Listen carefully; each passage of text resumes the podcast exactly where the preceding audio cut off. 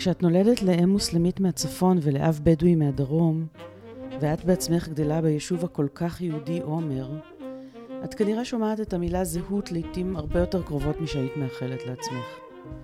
הבמאית רנה אבו פרחה עשתה על זה סרט. ולא רק על זה, כי הסרט שלה "אחרייך" הוא גם דיוקן מרשים ונוגע ללב של אימה שהלכה לעולמה לפני כשמונה שנים. הסרט מלווה את מחלתה ואת אין ספור ההתמודדויות שמותה הקרב מזמן, כמו למשל השאלה איך קורה שביישוב שבו היא התגוררה יותר מ-20 שנה, השכנים שלה לא מוכנים לקבור אותה בבית הקברות שלהם. לפני שתקשיבו לשיחה שלי עם רנה אבו פרחה, הנה רגעים קצרצרים מהסרט שלה, שהיה לי חשוב להביא כאן, כדי שתכירו גם את אה, צבע הקול של אימא שלה. אפילו שהייתי רווקה, הייתי בת עשרים, אני תמיד תמיד אמרתי, אני רוצה מאלוהים שיביא לי בנות, שאני אראה לכל הערבים איך מחנכים בנות. אני מחכה לרגע הזה שהילדים שלי יבואו ויגידו לי, אנחנו מאוהבים. עד השמיים. זה האושר שלי. ואז לא יהיה לך משנה אבל מי? אם האהבה היא אמיתית, אתם תקבלו אחד את השני. אני צפיתי בסרט שלך, ואמרתי לך אחר כך שאני ממש, אה, לדעתי חצי לילה הייתי בתוך הדבר הזה, היה מאוד קשה להשתחרר, הוא סרט שמאוד מסעיר מבחינה רגשית. ממש הרגשתי שאני מתאהבת באימא שלך, mm. שאני בוכה בלי שום גבול על אימא שלי כמובן, mm. אבל אימא שלך, את, אה, אנחנו פוגשות אותה בסרט, mm. אה, בשלב שהיא חולה, והמחלה רק הולכת ומידרדרת, ועד מותה. אבל היא לפני כן הייתה אימא שלך. כן. אז הייתי מאוד רוצה לשמוע. אמ, קודם כל, איזה כיף. כאילו, כיף ומשמח ומחזק, ונראה לי זה הרבה ממה ש... אמנם בעשייה של הסרט, בשביל אפילו החיבור הזה אחר כך לאחרים, אני הרגשתי כל הזמן שאני צריכה להיכנס ולצלול כמה שיותר פנימה, אבל באמת שכל הזמן שאפתי וייחלתי בדיוק למה שאת מדברת עליו. חיבור לאימא שלך, או הדבר הזה של, שצופים וצופות יראו את עצמם ויעשו איזשהו דיאלוג פנימי בתוכם. שזה בעיניי, את יודעת, כבר איזה אקט פוליטי בלי, בלי להצביע על פוליטיקה. כאילו, הקלישה האמיתית הזאת של כולנו אותו דבר. זה גם הצלחה מאוד גדולה מבחינה אומנותית, שאת אה, לוקחת משהו שהוא מאוד ספציפי וביוגרפי, ואת מצליחה להציף מתוכו משהו שהוא כל כך כללי ואנושי, mm-hmm, שהוא mm-hmm. נוגע באנשים שהנסיבות הספציפיות שלהם אחרות לחלוטין. כן. או שהן אחרות רק ב, על פני השטח. כן. כי, כי בתוכנו הדברים הם מאוד מאוד דומים. כן. ובמשפחות. אז אימא שלי, זה מעניין שאת אומרת אה, על העניין של המחלה, שהיא הייתה אימא גם לפני המחלה לגמרי. הייתי בת 12 או 13, משהו כזה, כשהיא חלתה, אז הרבה מהזיכרונות שלי, גם ביחסים איתה, קשורים במחלה. אני זוכרת דברים מלפני שקשורים אולי ב... באמת באיזה אנרגיה ומרץ, שאני חושבת שאפשר לראות אותם גם, גם תוך כדי המחלה, אבל שאולי כן, הם היו קצת יותר בעוצמות ונוכחים אה, לפני הסרטן. אה, והמחלה, אני חושבת, כמו הרבה דברים אחרים, כמו הרבה משברים בחיים, אז היא, היא הציפה למעלה נקודות לא פתורות. ואז גם אפילו עזרה לנו להסתכל עליהם ולהתמודד איתם. אז, אז הדברים האלה הם לא ממש נפרדים לי, זה לא שאני אומרת אימא שלי היא המחלה, אבל, אבל זה היה חלק מהחיים הרבה מאוד זמן, וחלק מהיחסים הרבה מאוד זמן. יש, אה, ואולי אצלך, אני חושבת שזה המקרה הזה, שהמחלה, מהרגע שיודעים עד, עד רגע המוות, זה יחסית קצר, אז אני יודעת גם כן, ש... כן, אצלי זה היה מאוד מאוד קצר. כן.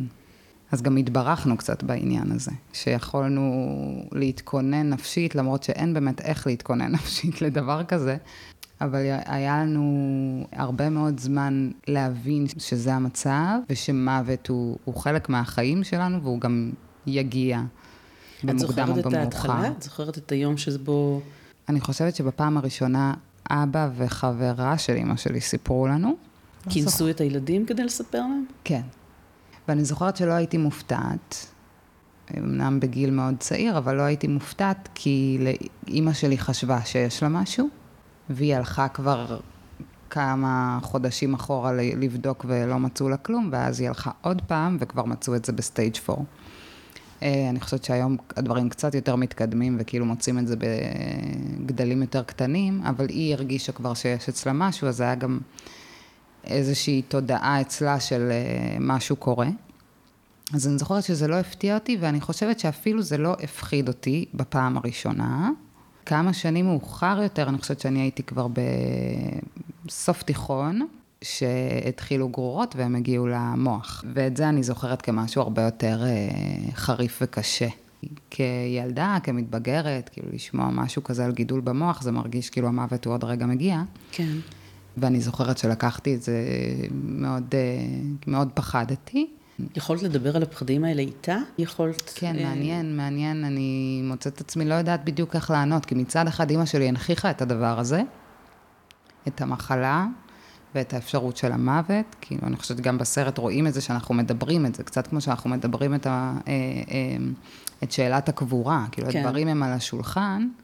אבל אני תוהה אם באמת יכולתי אה, להראות פחד. אני חושבת שהייתה לי איזושהי התמודדות ביני לביני של לא באמת להראות פחד, או להראות קושי. כי אימא שלי, עם הנוכחות המדהימה והמיוחדת שלה, הייתה גם אה, מורכבות. אני חושבת שאולי זה קורה להרבה אימהות, שמשהו יכול להיות מאוד מציף ומפחיד ומערער, כשרואות של הילדים מאוד קשה.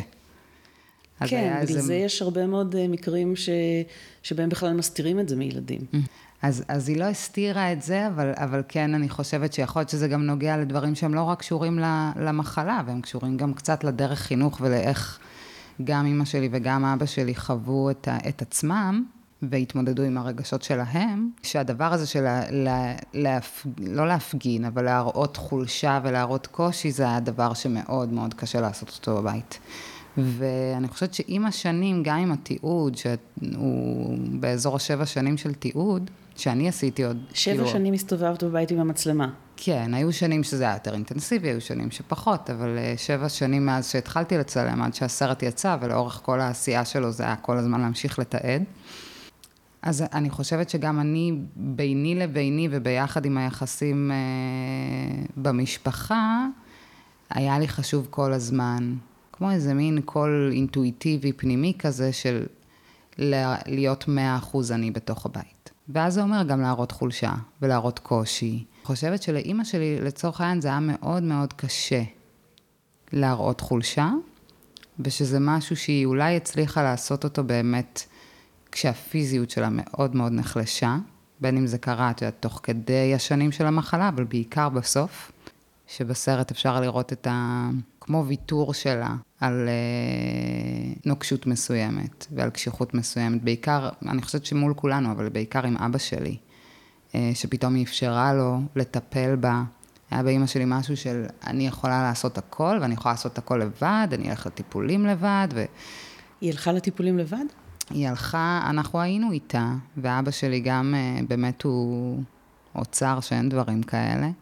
אבל כמו שאולי את גם מכירה מקרוב, אה, מחלה היא מציפה הרבה מאוד דברים, היא יוצרת גם הרבה מתחים בתוך משפחה, והתמודדות כזאת שהיא לא תמיד קלה. אז לפעמים זה היה גם קרקע להרבה מתח כזה, והרבה אגו, והרגע הזה בסרט שהם מתווכחים, או רבים, אפשר לומר רבים, הוא מאוד מחובר גם למחלה. את יודעת, כשראיתי את הסצנה הזאת, אני חושבת שאנחנו מדברות על אותה סצנה שבה היא אומרת שתמיד מחליטים בשבילה ותמיד mm-hmm. עושים בשבילה.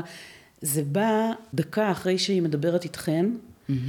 על השאלה של זוגיות וכל מיני דברים כאלה, והמורכבות של החיים שבעצם נוצרו לכם הילדים כתוצאה מזה שאתם אה, ערבים שגדלו בעומר ומוטמעים בתרבות העברית יותר מאשר בתרבות mm-hmm. הערבית.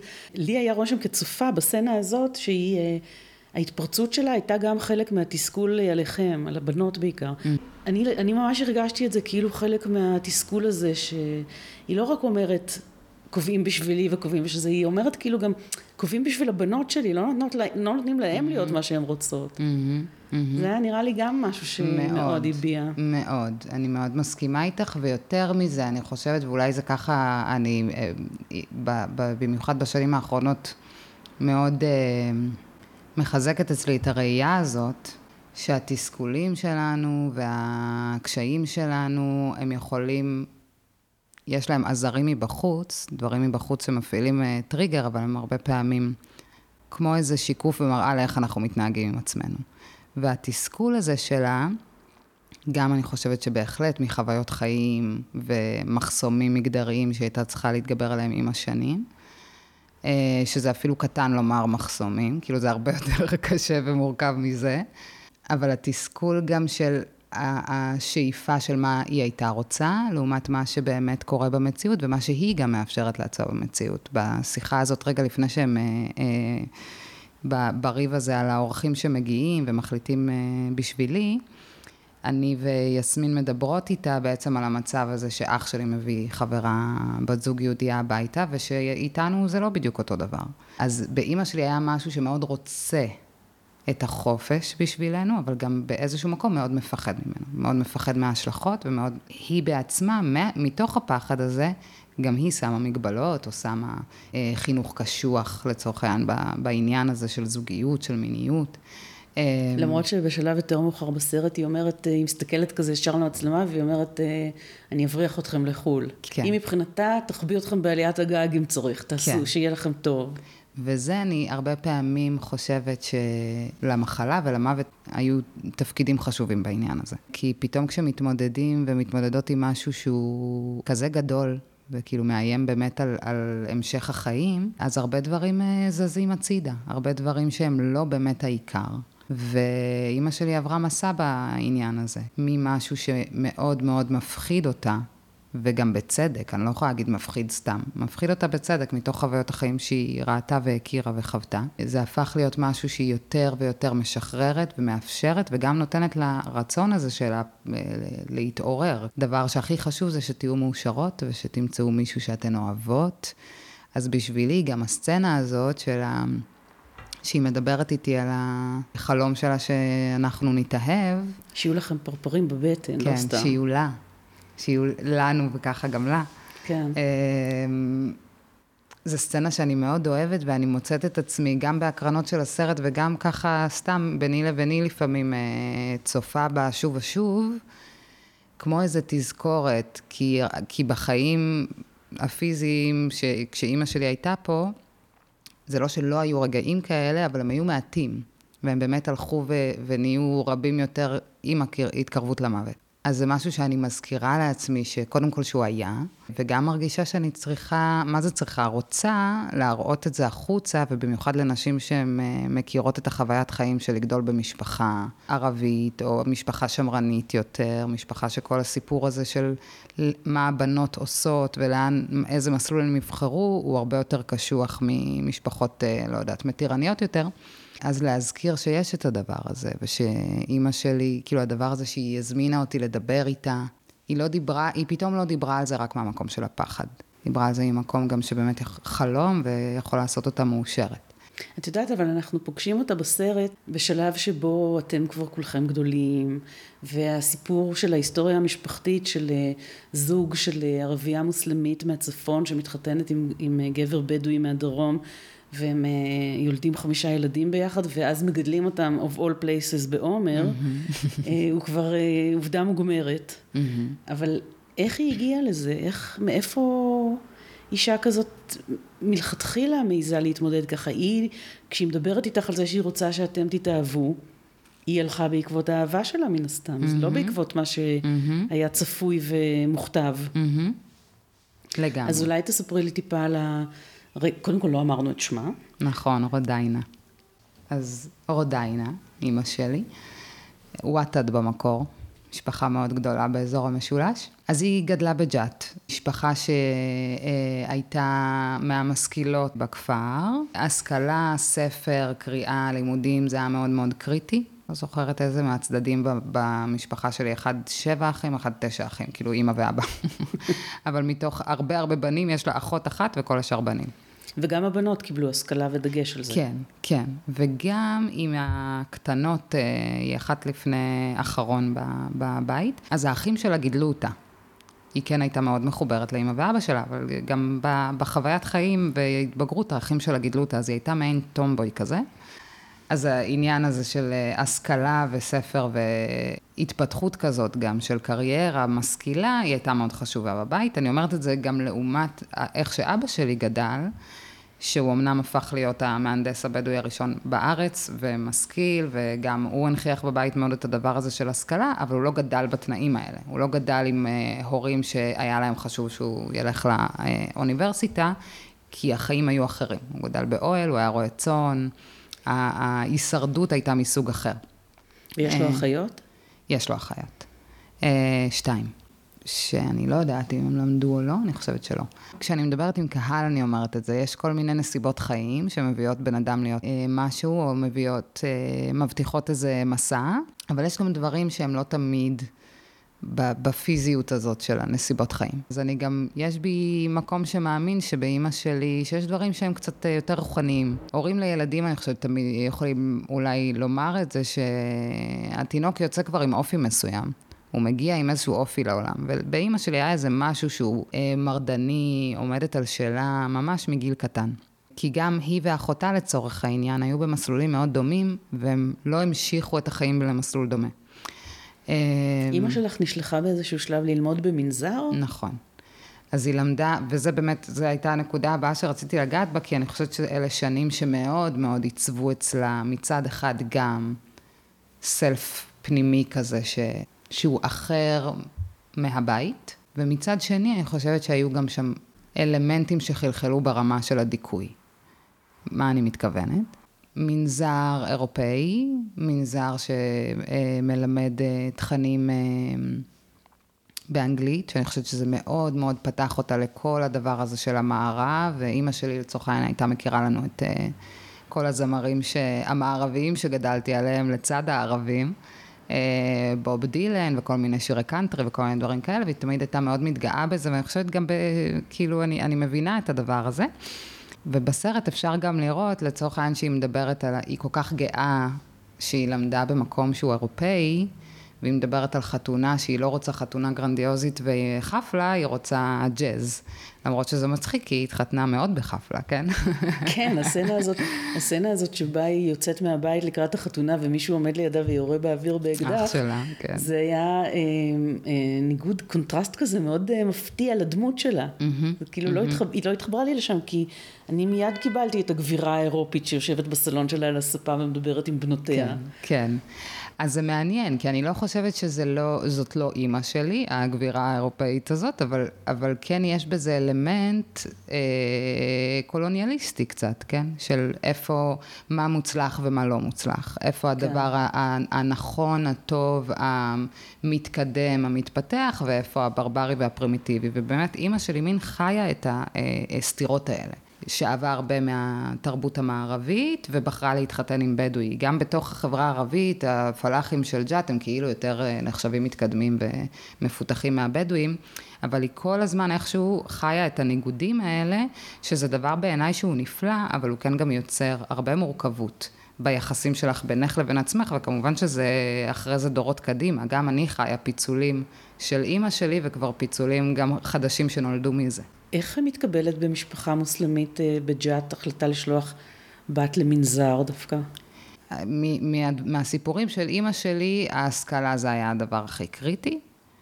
אז עצם זה שזה היה מקום משכיל, ועכשיו שוב גם יפתח אותם לעולם הזה של, של המערב, של האנגלית, זה היה מאוד חשוב. אני לא חושבת שזה היה אה, תחושה ששולחים עכשיו את הבנות אה, לחופש, אה, כי זאת הייתה פנימייה, ופנימייה שהיא, את יודעת, סגורה סך הכל. נתנו לדעת אחרת למשטר אותן פשוט. משהו כזה. טוב, זה גם, זה גם ציני לומר, כי, כי אני חושבת שזה כן פתח לאימא שלי הרבה אופקים, הדבר הזה. כן. ורק, ורק הדבר הזה, אפילו עוד לפני מה שהן לומדות שם, רק הדבר של בגילאים כאלה, של חטיבה, או חטיבה תיכון, לא לחיות בבית של ההורים, זה כבר מבגר ו- ומתחיל לעשות איזשהו גיבוש אחר של עצמי. אני חושבת שלי זה קרה בצורה אחרת בדור הבא כבר, אבל לי זה קרה כשהתחלתי ללמוד בירושלים, ואני לא חיה בבית של ההורים, אז פתאום מתחיל לקרות משהו אחר. ואת מתחילה להבין מי את ומה את, גם ביחס להורים, אבל בלי שההורים הם איתך 24-7, דור של אימא שלי זה לא רק ההורים, זה גם המשפחה המורחבת. ולאבא שלי זה גם קרה בגילאים האלה. היה בית ספר עד כיתה ח', ואז הוא הלך ללמוד בטירה. אז הדבר הזה של פתאום לצאת החוצה מהבועה המשפחתית של המשפחה המורחבת, ולהתחיל להיות עצמאי במקום אחר, אני חושבת שגם זה היה איזה משהו בין הרגשי לרוחני שמאוד חיבר ביניהם. זאת אומרת, אתם כבר דור שני לאנשים, ש... לילדים שגדלים ככה במין איזה ערבוביה כזאת של אה, הבית הוא אחר מהסביבה, מאוד אחר מהסביבה החברתית, ו... Mm-hmm. שימי לב שאני מנסה לא להגיד את המילה זהות. אפשר, אפשר לומר אותה ולדבר עליה. אבל, אבל את חושבת שהפתיחות היחסית הזאת וההזדמנות שהייתה לאימא שלך כבר בגיל צעיר לחוות כל מיני סוגים של חיים, העניקה לה כוח? כן, ואומץ, בטח. גם זה שהיא גדלה בסביבה ביתית שהיא של ספרים, והאחים שלה למדו כל אחד במקום אחר, אבל גם בכל מיני מקומות, אה, אני חושבת, גם אה, משולבים יהודים ערבים. ואימא שלי בעצם המשיכה הלאה ולקחה את זה אולי כבר יחסית לאחים ואחיות שלה כבר למקום. קשה לי להגיד קדימה כמו הקצינה את, ה, את האפשרויות האלה ואת הבחירות האלה. זה כן עשה לה קרקע, אני חושבת, ושוב, לאופי כמו שלה, שגם בתוך משפחה שלדור שלה ולסביבה שלה הייתה פתוחה, היא גם בדברים האלה מרדה. מה שאני מרגישה הרבה פעמים שבדור שלי, זה אני עשיתי את זה, לה, כאילו אני מין ירשתי חלק מהתכונות האלה, ולפעמים זה בא בעוכריה של אימא שלי. כן, את כאילו המורדנית מבין החמישה? בכולנו יש משהו מזה, אבל כן, כן, מאוד. תראי, גם להכניס מצלמה הביתה זה מרדנות. לאו דווקא מהמקום המתנגד, כי לא באתי להתנגד. באתי דווקא בעיניי, בדיעבד אני יכולה להגיד, לייצר משהו אחר בבית. ולייצר, להתחיל למזג את מה זה אומר החיים האלה שההורים שלי בחרו, ולמזג את הרושם שאנחנו מפגינים כלפי חוץ ואת מה שקורה בתוך הבית. כי היה פער, תמיד יש פער, אצל כל בן אדם, בכל משפחה, במה שאנחנו מראים החוצה ומה שקורה בפנים. אבל בשבילי זה היה פער שנהיה יותר ויותר בלתי נסבל. והרגשתי שאני חייבת במסע חיים שלי לדבר את זה. ושם המצלמה עזרה לי לעשות את זה. זאת אומרת, הכנסת את המצלמה הביתה כדי לרכך את הדברים? כדי לקרב את הדברים? או...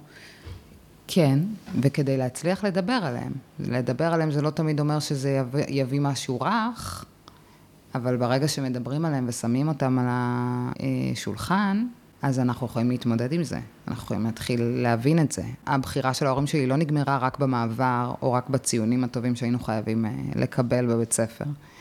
אה, יש לה השפעות רגשיות, ויש לה השפעות אחרי זה גם על כל הבחירות שלי, של אחים ושל אחיות שלי בהמשך החיים שלנו, וזה משהו שהייתי חייבת uh, לדבר עליו.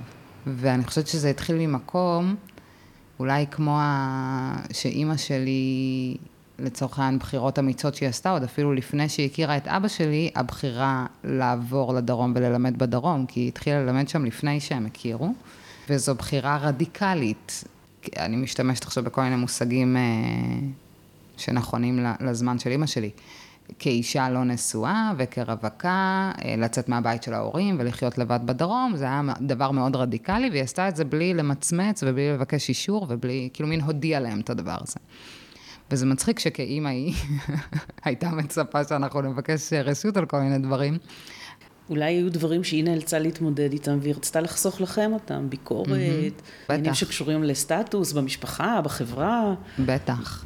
אני גם יודעת, למרות שאני מרשה לעצמי להסתכל על אימא שלי בעין אה, אה, מורכבת, שהיא יכולה להיות גם מאוד אוהבת וגם עם ביקורת, אה, אבל אני יודעת שכל הצעדים שהיא עשתה, גם אבא שלי, אבל אולי בהקשר של החיים שלי באמת בעניין המגדרי זה קריטי. אז כל הצעדים שהיא עשתה היו קרקע למה שאני יכולה לעשות היום. עם זה שאני יכולה להסתכל על זה עם ביקורת ולא להסכים עם כל מיני דברים. בלי הצעדים האלה, אני לא הייתי יכולה לשבת ולהרהר על אה, איזה אומנות אני רוצה להתעסק בה, וכל מיני תהליכים רגשיים ונפשיים שאני מצליחה לדבר אותם היום, אבל הם, הם לגמרי המשך של המסע ההתפתחות הזה. אם אימא שלי הייתה עם מסלול חיים אחר, אז, אז גם אני הייתי אחרת היום. זה... מהסרט עולה שהיא, שהייתה חדורה גם באיזו שליחות, אבל בבחירות האלה שלה, כי למשל, סצנת הפתיחה, שהיא מאוד חזקה, סצנת הפתיחה של הסרט, mm-hmm. את פוגשת אישה מבוגרת בתל שבע, שבהתחלה חושבת שאת מין תיירת כזאת שבאה לראות איך בדואים חיים מהצד, ואז את אומרת לה, לא, גם אני ממשפחה בדואית ומשפחה ככה וככה, והיא כולה נמסה, ומיד מתחילה לספר לך בהתרגשות שאימא שלך, בזכות אימא שלך, הבת שלה למדה אנגלית ו...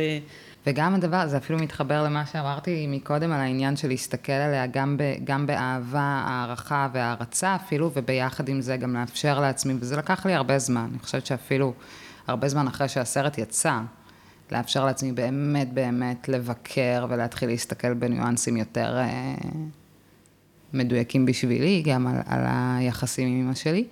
אה, אני חושבת שגם לה היחסים האלה, לצורך העניין עם החברה הבדואית, היו מאוד כאלה. שהיו מעורבבים עם הרבה פחד והרבה ביקורת והרבה הרבה אהבה. אהבה ו- ונתינה ש- שהיא את האנרגיה שלה כמחנכת, היא הביאה את הדבר הזה לשם. אז uh, בשנות ה-80 וה-90, ללמד בקרוון, בקרוונים שם ב...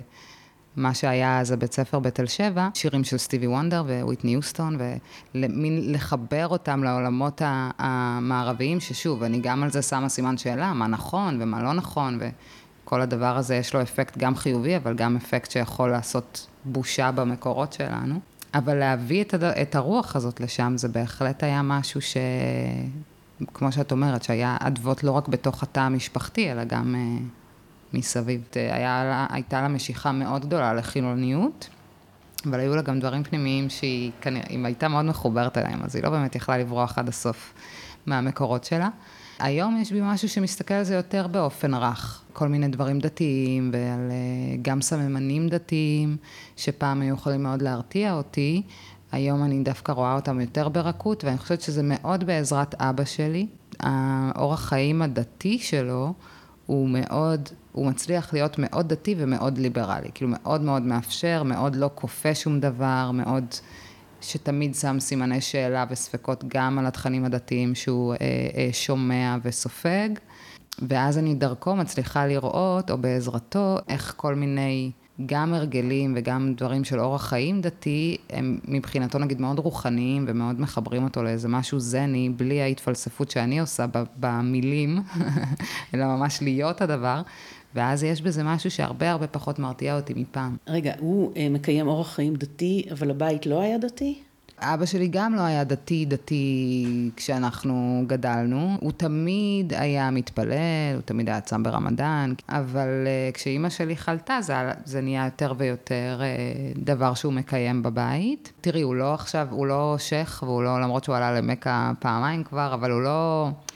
הוא לא חי אורח חיים אה, דתי קפדני, הוא תמיד עם, עם כל מיני סימני שלצורך העניין הוא הולך למסגד בימי שישי, ואם יוצא לי להיות איתו בבית ולדבר איתו אחר כך, אז אנחנו נעשה מין שיחה מעוררת על הדבר הזה.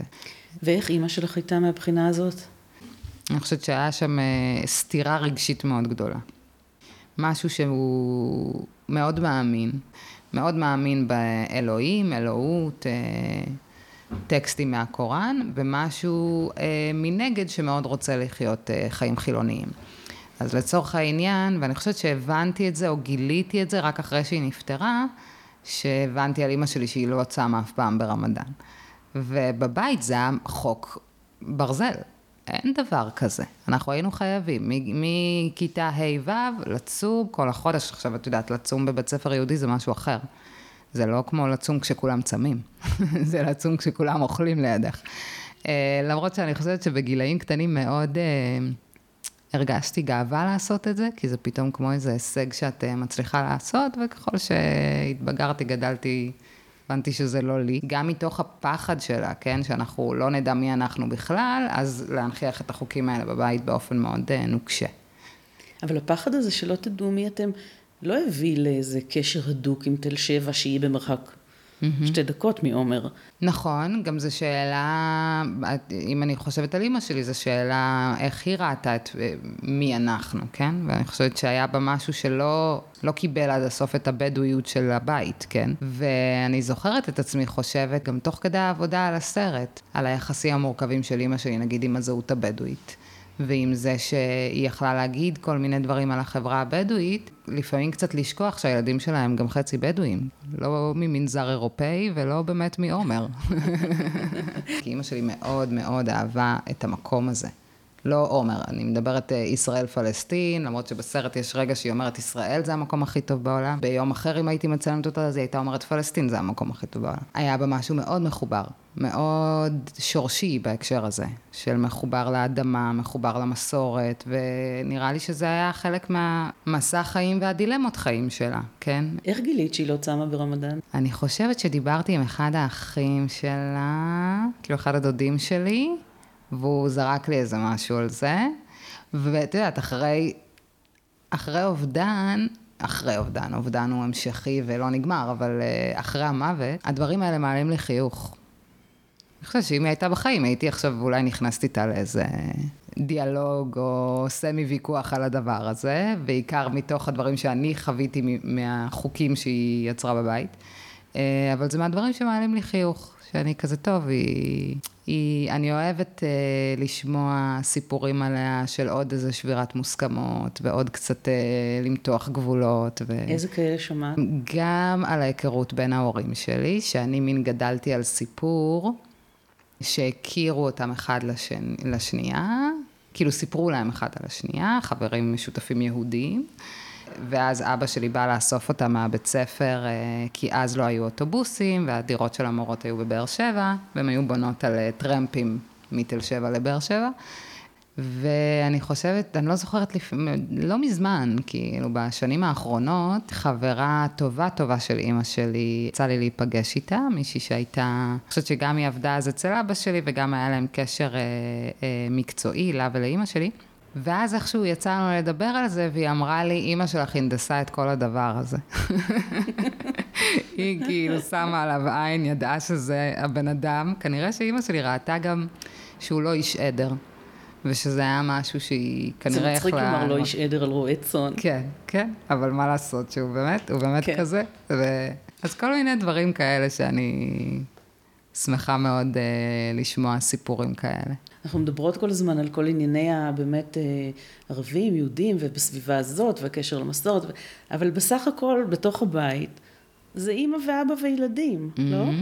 לגמרי. וגם, את יודעת, זה מחזיר אותי למה שאמרתי לך בהתחלה, על השאיפה שלי, שהיא הייתה ביצירה של הסרט, אני חושבת שכמעט בכל דבר שאני יוצרת ועושה, בין אם זה מפגש עם קהל, או סדנאות שאני מעבירה, או אה, טקסטים, או כל דבר כזה. מדברים, או אני בוחרת לדבר את ה-level הפנימי יותר. שבעיניי ה-level הפנימי יותר הוא אומנם לא זהה, אני לא באמת יכולה להבין לחלוטין את מה שאת חווה בתוכך, אבל הוא מאוד דומה. אבל אני יודעת שזה לא סתם שאת מוצאת את עצמך מאוד מחוברת, ושחבר'ה מג'יסר יכולים למצוא את עצמם מאוד מחוברים למה שהם רואים בסרט, וחבר'ה מכל המקומות שעשיתי בהם הקרנות בארץ, וגם חבר'ה מחו"ל, מבוסניה ומיפן ומכל מיני מקומות שראו את הסרט. היחסים האנושיים בינינו והדינמיקה המשפחתית היא משהו שכולנו מכירים אותו מקרוב, וזה לא אומר שזה צריך להיות אותו דבר בדיוק בשביל שאנחנו נמצא את עצמנו בתוך זה.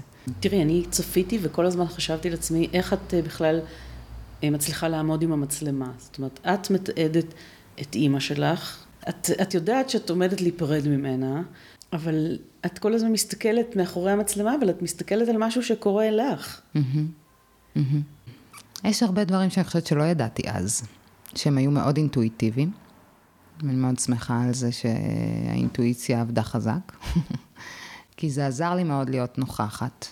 התיעוד בבית עזר לי להיות נוכחת בתוך מרחב שלא פשוט להיות נוכחת בו. בין אם זה קשור באמת למחלה ולגסיסה ולמוות המתקרב, או שזה קשור למה שכל אלה מציפים ב... בתוך המשפחה. שאצלנו זה היה גם הרבה באמת לדבר על איפה אימא נקברת, שקצת כמו שאמרתי מקודם, פתאום קרקע כאילו מרוחקת יותר, של דיבור פוליטי, כדי לדבר בעצם את הרגשי שלנו. כן. אז הייתה הרבה אינטואיציה, ואני חושבת שזה רצון מאוד חזק לשמור את כל מה שאפשר מאימא שלי, בזמן שהיא עוד פה, לדבר איתה כמה שיותר, לשמוע ממנה כמה שיותר, גם להצליח להתקרב אליה, כי אני חושבת שהתחלתי את הסרט, מה זה חושבת? אני יודעת שהתחלתי את הסרט, ממקום מאוד טעון. התחלתי לצלם באזור גיל 21, כשהייתי מלאה בכעסים ובמין כזה, שלב כזה של גיל התבגרות, שבא להאשים את ההורים בהכל, בעיקר את אימא, אז היה לי, היה בי איזשהו רצון של להתקרב. לפעמים בתחילת המסע את לא יודעת שזה מה שאת הולכת לעשות. ובאמת, גם אחרי המוות, גם תוך כדי החודש, חודשיים האחרונים, כשהיא התחילה לבקש ממני שוב ושוב לצלם, כי היה לי תקופה שהפסקתי לצלם. מאז שהיא הייתה בבית חולים בפעם האחרונה, איזה מין קול כזה של אתיקה אמר לי להפסיק לצלם. כדי לא לחשוף את המראות הקשים של הגסיסה? אפילו אז אני לא ידעתי להגיד לעצמי את זה ככה, אני כאילו אמרתי לעצמי, אולי היא לא מודעת כל כך, אולי זה שהיא מלאה בתרופות, אז, היא, אז זה חושף אותה במקומות שהם כאילו אישיים מדי, ו... ואמרתי לעצמי, אולי את צריכה להיות יותר נוכחת בלי המצלמה, והיום אני יכולה להסתכל על זה ככל מיני תירוצים. וכמה שבועות או איזה חודש שלא צילמתי, והיא uh, התחילה לשאול אותי, את יודעת, מלאה בהמון סוגי תרופות. והיא שאלה אותי למה אני לא מצלמת, ואיפה המצלמה, ואחרי פעם, פעמיים, שלוש, היא שוב ושוב שואלת את זה, אז, אה, אז הבאתי את המצלמה, ואז עשינו כמו איזה מין משחק קטן עם המצלמה, צילמתי אותה, הראיתי לה איך היא נראית. ו... את חושבת שזה מפני שהיה לה חשוב להשאיר אה, מורשת? לגמרי. שזה גם היה חלק מהעניין, וגם כמו, אני חושבת, אה, הזמנה, כאילו היא אמרה לי בין השורות, אה, את יכולה, את יכולה להיות פה, ואת יכולה לתעד. היא גם אמרה לי את זה במילים לפני, ה... בזמן, ברגעים האלה בבית חולים, היא ממש אמרה לי את זה במילים של, את יכולה לתעד את כל מה שאת רוצה, ואת עשית משהו עם הסיפור שלנו. אימא שלי תמיד הייתה לה תחושה שיש לה סיפור שהיא רוצה לספר ולהוציא החוצה. אמ, אבל בקרבה הזאת למוות, אני חושבת שהיה בזה משהו שמאוד מאוד ריגש אותי, ואני כל כך שמחה על האפשרות הזאת, שהיא הזמינה אותי להמשיך לצלם, כי באמת אחרי, ה... אחרי המוות שלה, במשך כמה חודשים של גם שהייתי זומבי מוחלט, כי פתאום זה חיים אה, אחרים לגמרי. זה ללמוד ללכת מחדש לחלוטין. אז הייתי מאוד uh, קפואה וזומבית ו- ולא הבנתי מה קורה. ואחד הדברים היחידים שהצלחתי לעשות זה לראות את החומרים האלה, ואת החומרים ספציפית האחרונים שלה. כאילו הדבר הזה של כל הזמן ניסיתי לקרוא שם מה היא מנסה להגיד. כי היה בי משהו, גם, גם תוך כדי הימים האלה, אבל במיוחד אחרי זה בלצפות בזה, שידעתי שלא משנה כמה תרופות יש בה וכמה היא מטושטשת, היא שם. יש משהו שהוא שם, ושהוא יכול להיות במבט, הוא יכול להיות בתנועה ברגל, והוא קשה לה יותר לבטא את עצמה כמו שהיא הייתה רגילה, אבל היא שם. וגם בתקופת עריכה, שערכנו את הסרט לאורך די הרבה זמן, יחסית לממוצע בתעשייה, איפשהו אחרי איזה 80 משמרות, שהסרט כבר אמור להיות גמור, הרגשתי שאני רוצה לצפות עוד פעם, לעשות עוד צפיות בחומרים, ורציתי מאוד לצפות בחומרים האחרונים. וישבנו אבתיסאם המהממת, אה, שאפשרה עוד איזה שבוע של משמרות צפייה, דבר שהוא כאילו מאוד רדיקלי לזמן כזה. שהפיקה את הסרט, יש לומר. שהפיקה את כן. הסרט, ואהובת ליבי ממש. אז ישבנו אני, אבתיסאם ועליזה סקירה, אה, העורכת, וצפינו בה ככה מלא כרטיסים של הימים האחרונים של אימא שלי, ובחדר הייתה תחושה לא פשוטה. כן? זה לצפות, זה לא כמו שלוש דקות בסרט, את צופה עכשיו בימים שלמים מתועדים, וקלוזאפים, וסיעוד של, של כאילו עזרה להיפרד מהעולם, כן? אבל סיעוד שלא תמיד קל לצפות בו. ואני זוכרת שזה נתן לי המון המון כוח. שזה לא עשה לי תחושה כבדה, שזה לא עשה לי תחושה עצובה, שזה להפך, ממש ממש חיזק אותי, כי הצלחתי לראות גם את הרגעים האלה שאני מדברת עליהם, ש... שהם אימא שלי מעבר לטשטוש, וגם את המין אחדות הזאת שזה אפשר פתאום למשפחה. ביחד אולי עם מה שאמרתי לך מקודם, עם קצת ויתור על כל מיני הגנות, שמצידה פתאום היה אפשר לעשות איזה משהו מאוד מאחד, מאוד חם, מאוד, אה, שבאמת מתרכז בדבר שבימים האלה הרגיש לנו הדבר הכי חשוב בעולם, של לעזור לה להיפרד. לעזור לנו להיפרד גם. אז אני לא יודעת אם בתחילת הדרך היא ידעה את כל זה, למרות שאני כן יכולה לנחש שהסיפור הזה של המוות כן דיבר אליה כשאני התחלתי לצלם. יכול להיות שאני אני אז לא הייתי מודעת שהמוות הוא חלק מהמניע או הפרידה, אבל היא, אני יכולה לחשוב, כאילו אני יכולה לדמיין לעצמי שזה בטח עבר לה בראש. אה, והיה בה משהו כהורה, כאימא, שפשוט הסכים, כאילו התמסר, ללתת לי את היד ובואי נצא למסע. והיא לא הייתה צריכה להגיד לי את זה במילים, זה פשוט היה שם. היית קרובה אליה במיוחד מחמשת הילדים? אה, שאלה מעניינת. את יודעת למה אני לא- שואלת? כי יש אה, קטע בסרט שהיא אומרת לך משהו ש... הנה, את הגעת, אז עכשיו הכל כן. מואר ויותר טוב, ואת אומרת לה, כולנו ככה, כל הילדים כן, שלך כן. משמחים אותך, והיא אומרת, אבל את, אני נבהלת. כן. אה, כן, אני, אני לא חושבת שהיה לי קשר יותר מיוחד מאחרים. נראה לי שלכל אחד ואחת מאיתנו ממש יש את הקשר המיוחד עם אימא. הראית להם את כל החומרים האלה שלא נכנסו לסרט? זה 400 שעות, אז לא את כולם. למה הם ממהרים לאנשהו? אבל זה מעניין. גם בהקשר, את יודעת, הסצנה הזאת עם ה... את uh, עושה לי אור בפנים.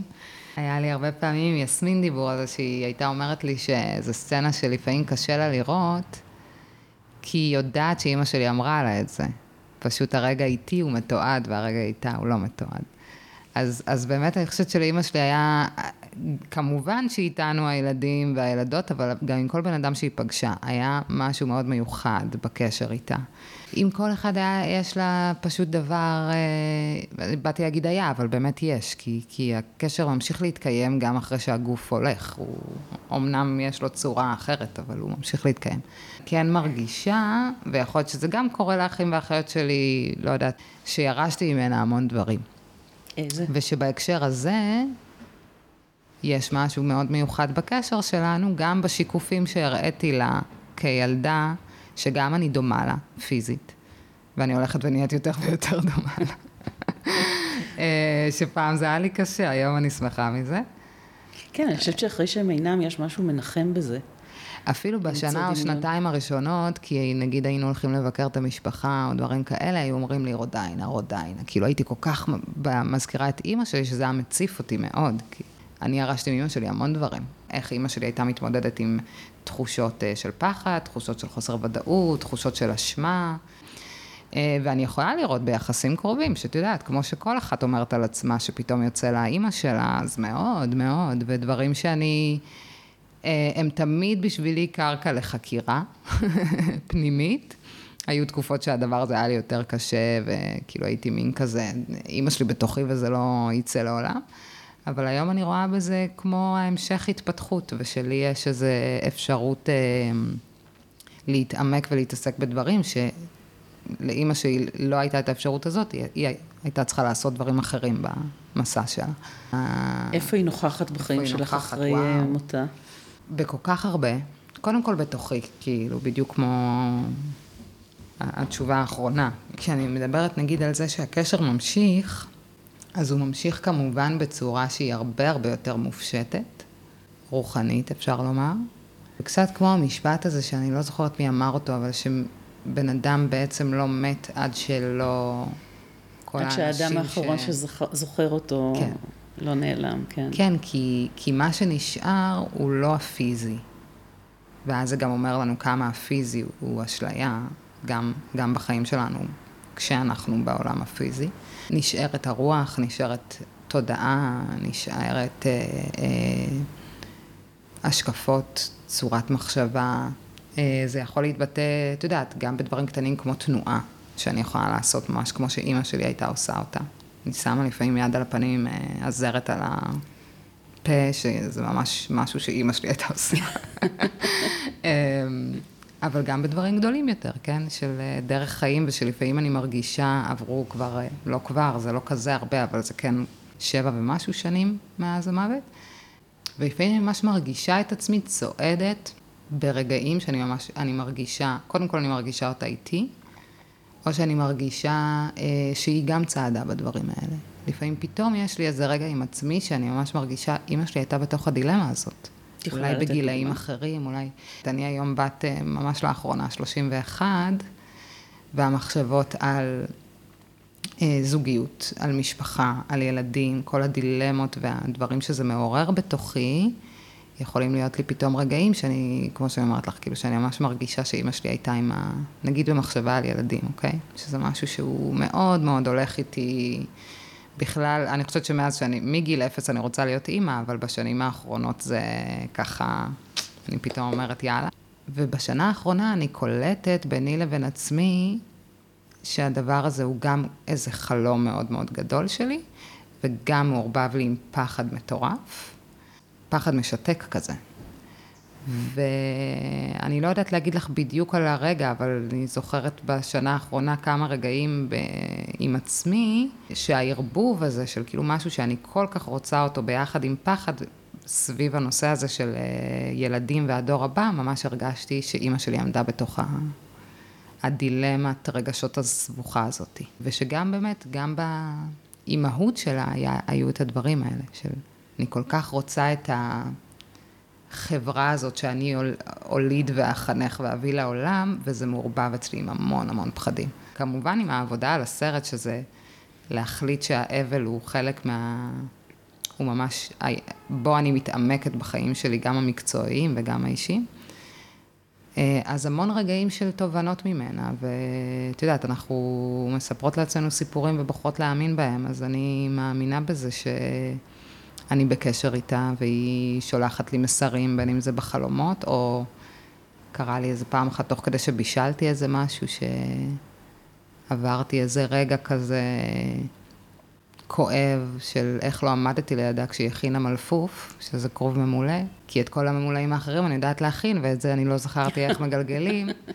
והייתי מאוד עם כאילו גם אשמה, גם חרטה, כל מיני דברים בתוכי, ואז אה, נשמתי לתוך הדבר הזה, ומשהו באמת מיסטי פשוט קרה ברגע מסוים, והצלחתי לעשות את זה בדיוק כמו שהיא עשתה, והרגשתי אותה ממש מלמדת אותי את זה באיזושהי דרך. אה, של רוח. זה, זה עושה לי מאוד טוב. אני כזאת שנראה לי גם מגיל קטן לא, לא הייתי רק בתוך הפיזי, כאילו תמיד אה, משהו של אה, רוח ו, ומיסטיקה דיבר אליי. אימא שלך אומרת בסרט שהיו לה הרבה חלומות שהיא לא הגשימה. Mm-hmm. והיא לא מפרטת. כן. מעניין, אני, אני יכולה למנות דברים שאני יכולה לדמיין שהיא רצתה, כמו... היא הייתה מדברת הרבה על זה שהיא רצתה להיות רופאה או עורכת דין, לפני שהיא התחילה ללמוד אה, בדרך להיות מורה. אז אני חושבת שהיא, שיותר משאלה חלומות, יש בזה מה... מה לקחו לי, כן? מה מנעו ממני. שאני גם מבינה את זה ואפילו מזדהה עם זה, וביחד עם זה, כמו שאני אומרת לך, רואה אותה גם באהבה, אבל גם עם, עם, עם עין ביקורתית, יש מזה אה, מתודעת הקורבן. אני לא יכולתי לעשות דברים כי לקחו לי. עכשיו, יש לזה גם הוכחות במציאות, אבל אני עם עצמי מנסה מאוד, במיוחד בשנים האחרונות, לשנות את הסיפור הזה. כי אני מבינה אה, וגם מאמינה שככה זה עובד, שכשאנחנו מצליחים לשנות את התודעה הזאת מבפנים, אז הדבר הזה הוא לא מפעיל אותנו באותה צורה. ועד לפני כמה זמן, ממש, כאילו גם אפילו שנתיים או שלוש, אני חושבת שדיברתי את זה מאוד באינטלקט, אבל לא חייתי את זה. ורק לאחרונה אני מרגישה שאני מתחילה לחיות את הדבר הזה של להיפרד מתודעה של קורבן, וזה וואו. מאוד ממליצה. כן, זה לא דבר קל.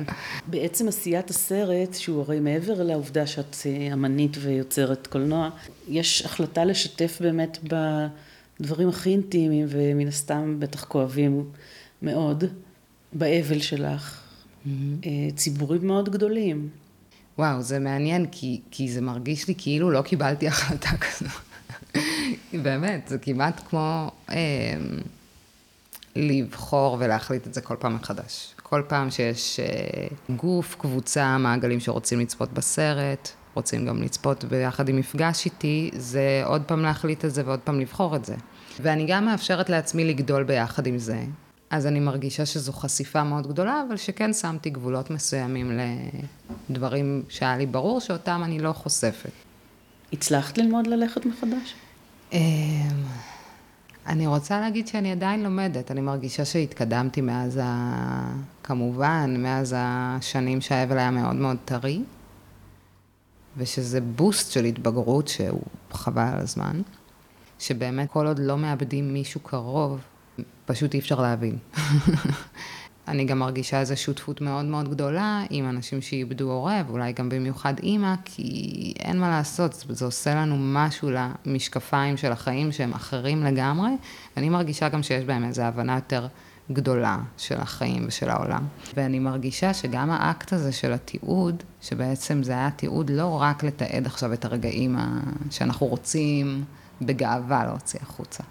כן. אלא גם את הרגעים הקצת מלוכלכים יותר, וקצת מביכים יותר, ואני בטוחה שהאחים והאחיות שלי, בכל פעם שרואים את הסרט ונגיד את השיחה שלנו על העברית והערבית, יש איזו מבוכה, איזו צמרמורת פנימית שקורית, גם אנחנו לא, לא באותו מקום כבר, אבל יש איזה משהו נורא חשוף בדברים האלה, והריב של ההורים שלי, והאבל, כמו שאת אומרת, או הגסיסה. דווקא לדעת איך לשתף, אפילו זרים, אבל יותר מזה, אנשים קרובים, אה, בחולשות שלי, ובמקומות שלי שהם לא מושלמים. שם נמצא, נמצאת איזושהי עוצמה שבעיניי היא הרבה הרבה יותר אמיתית, וגם יש לה איזה אפקט יותר חזק מהחוסן הפיקטיבי שאנחנו מראים החוצה. למה חשוב היה לאימא שלך איפה להיקבר? אני חושבת שזה היה כמו להנכיח איזה דגל אחרון שלה ככה ב... אם כל החיים הם מאבק, אז גם כשאני הולכת, אני עושה איזשהו מאבק בפרידה שלי מפה. אז גם זה, ואני חושבת שגם הזכות שהיא באמת הכירה בה, והיא גם קיימת בחוק, אבל זה לא מעניין פשוט אף אחד. מותר לה, זו זכותה, המקום שבו היא חיה, ובגדול אני חושבת שהיא הכי רצתה בעומר, ואחרי זה כשהדילמה הפכה להיות ג'אטו תל שבע, אני לא יודעת אם היא רצתה ג'אט או שזה כבר, זה היה מין כמו מין פשרה שהצלחנו כולנו להסכים עליה. הדבר הזה של איפה לא, הוא לא בגלל הבית קברות מוסלמי, כמו המנגנונים או מנהגים החברתיים שנשים לא נכנסות פנימה. שהם אפילו לא דתיים, הם, הם חברתיים. הן לא נכנסות לבית הקברות בכלל? הן לא נכנסות בזמן הלוויה. אני מאוד פחדתי לדבר על זה, אפילו פחדתי להכיר בזה שאני יכולה בכלל לזעוק את הזעקה הזאתי, שאני לא יכולתי להיכנס להלוויה של אימא שלי. וזה שאבתיסאם המדהימה הייתה איתי במסע של הסרט, וביחד יכולתי לבטא את הדבר הזה איתה, והיא גם יודעת מה זה לאבד אה, אבא ואחות, ו, אה, ולא להיות בטקס עצמו. אז הייתה לי תחושה שיש לי גב בדבר הזה ואני יכולה לצאת עם זה. איפה הייתן שלוש בנות? יש את ה... לפני הטקס עצמו מנקים את הגופה, המשפחה הקרובה. אה, אז אנחנו היינו בדבר הזה, ואני זוכרת שאמרתי לעצמי הרבה פעמים, זאת הייתה ההלוויה שלי. כאילו זה היה, זאת הייתה הפרידה שלי, זה רגע מאוד מאוד מציף, קשוח. יש משהו אני חושבת שאז מאוד שמחתי מזה שהייתי שם, כי, כי את רוצה, או שאני רציתי להרגיש בעוצמה איזה משהו, במיוחד, כמו שאנחנו מדברות על הזמן זומבי הזה, זה כאילו חוסם לך את כל הרגשות, ואני זוכרת שלקח לי הרבה זמן, אחרי אולי הימים הראשונים של האבל, לקח לי הרבה זמן לבכות. באמת. הייתי דומעת פה ושם, אבל לבכות באמת לקח לי איזה שנתיים. אז משהו בלהרגיש בעוצמה ולבכות ולהוציא כזה, אני זוכרת שזה עשה לי טוב, אבל היום כשאני מסתכלת על זה, אני תוהה גם על הטקס הזה, כי אני מרגישה שאימא שלי לא הייתה שם כבר. הגוף שלה היה שם, הוא אפילו כבר לא היה הגוף שלה, כמו שהוא היה יום לפני, או יומיים לפני. ובהקשר הזה הגוף הוא גם לא בדיוק, הוא לא ממש הזהות שלנו, יש בנו משהו הרבה, הזהות שלנו מורכבת, בעיקרה מורכבת לדעתי מדברים אחרים. אז אני משתפת אותך במשהו מאוד חדש וטרי. עד לפני כמה זמן אה, זה היה לי כמו איזה רגע סימבולי שמאוד שמחתי להיות בו, והיום אני מסתכלת על זה טיפה אחרת. כאילו, יש בזה איזה משהו שאני לא יודעת באמת אם זאת דרך אה, פרידה. אני חושבת שרק איזה ארבע שנים אחרי המוות ישבתי עם סף פתאום שאלתי אותו המון שאלות על כזה, מה עשיתם, ומה, ומתפללים, מתכופפים, שמים חו... מה, מה קורה, כאילו, מה קרה בטקס. יש בי משהו, אני חושבת שבשנים הראשונות הרחקתי את עצמי קצת מה, מהקבר ומהמצבה, בגלל כל הפצע הזה שהיה, וזה הרגיש כאילו פשרה ולא משהו ממש פתור, ו, והסרט באמת הפך להיות מבחינתי המצבה שלי, או כמו איזה שיר פרידה ושיר אהבה לאימא. תראי, אני עם אימא שלי כל הזמן, כאילו באמת גם הפכתי את היחסים איתנו או שזה פשוט החיים גרמו לי לעשות את זה למשהו שהוא, שיום יום אני מתעסקת בו. אני זוכרת את עצמי יושבת עם uh, סף, ואני הייתי כל כך בתוך זה. את יודעת, כל יום משמרת עריכה, כל יום את כאילו במחשבות האלה וזה, אז גם רואה את אימא שלי כל הזמן, וכבר רגילה לזה. והראיתי לו איזו סצנה שחשבנו לפתוח איתה, היא לא, לא, לא הסצנה המקורית uh, היום, והוא היה בהלם, פשוט מלראות את אימא שלי. כל כך חיה, כאילו, דרך הוידאו. ואני, זה נורא מצחיק, כי אני שאלתי אותו ברמה, את יודעת, קולנועית, תוכנית, כאילו, לא התעכבתי בכלל על העניין הזה. ואז הפיל לי אסימון שכולנו איבדנו אימא, אבל כל אחד עושה, המסע שלו אחר, וכל אחד בוחר מתי לראות תמונה, מתי לראות וידאו, אם בכלל. אה, וזה שאני בוחרת לצלול לזה ככה, זה לא אומר שהם יכולים, בוחרים. יש סצנה שהיה לך ברור שאת לא מכניסה לסרט? וואו. לא, לא. היה, היה לי איזה מצפן פנימי שידעתי שזאת הדרך. אתם מדברים נורא. עליה הרבה? על אימא שלי? כן, כאילו זה משתנה, אני חושבת, זה תלוי, תלוי. יכול להיות שבשנים הראשונות זה היה משהו שאת יודעת, תמיד נגוע בקצת עצב, או שאת חושבת שאמא מתגעגעת זה גם עצוב. Uh, היום זה אחרת בשבילי. אני, גם כי אני מדברת עליה המון, אבל אני גם שמחה להתגעגע, אני שמחה שהיא, נגיד שהיא מופיעה בחלומות, שהדבר הזה הוא כל כך, אה, זה כאילו הכי קרוב לנוכחות הפיזית אה, שהייתה בחיים. אז אני מברכת את הדברים האלה, אז יש בזה משהו שהוא לא עם עצב בשבילי, כמו פעם. תודה רבה, רנה. תודה רבה רבה.